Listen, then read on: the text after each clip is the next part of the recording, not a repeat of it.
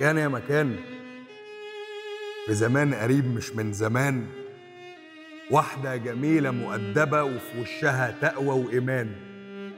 ماشية في طريق عادي بسلام أم فيه مريض هان عرضها وكمل طريقه وعاش تمام. والبنت فضلت تتقهر وتربي خوف من المجتمع.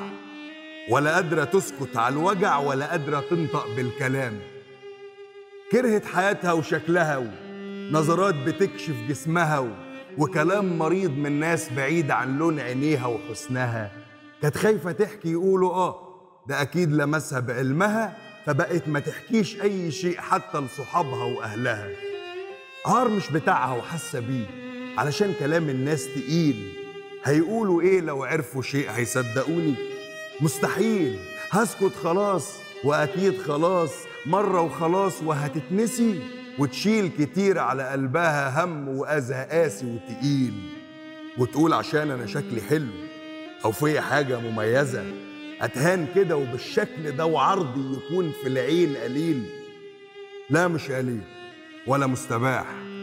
في نفوس مريضة ما بتراعيش زي الدواب ما يفرقوش.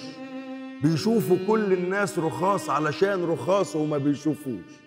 ربك خلق غيرهم كتير. لو حبوا حاجة ما يأذوهاش في فرق بين راجل بجد وبين ذكور ما بيشعروش.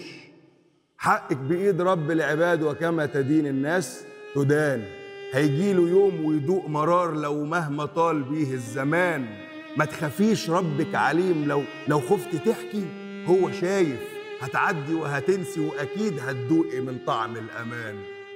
خليكي عارفة العيب عليهم. مش عليكي ولسه كاملة. ما تعيشيش على فعل غيرك أو كأنك عاملة عاملة. أنت لسه نظيفة جدا واللي حاصل مش بإيدك روحي عيش الله يزيدك. والحياة في الجاي.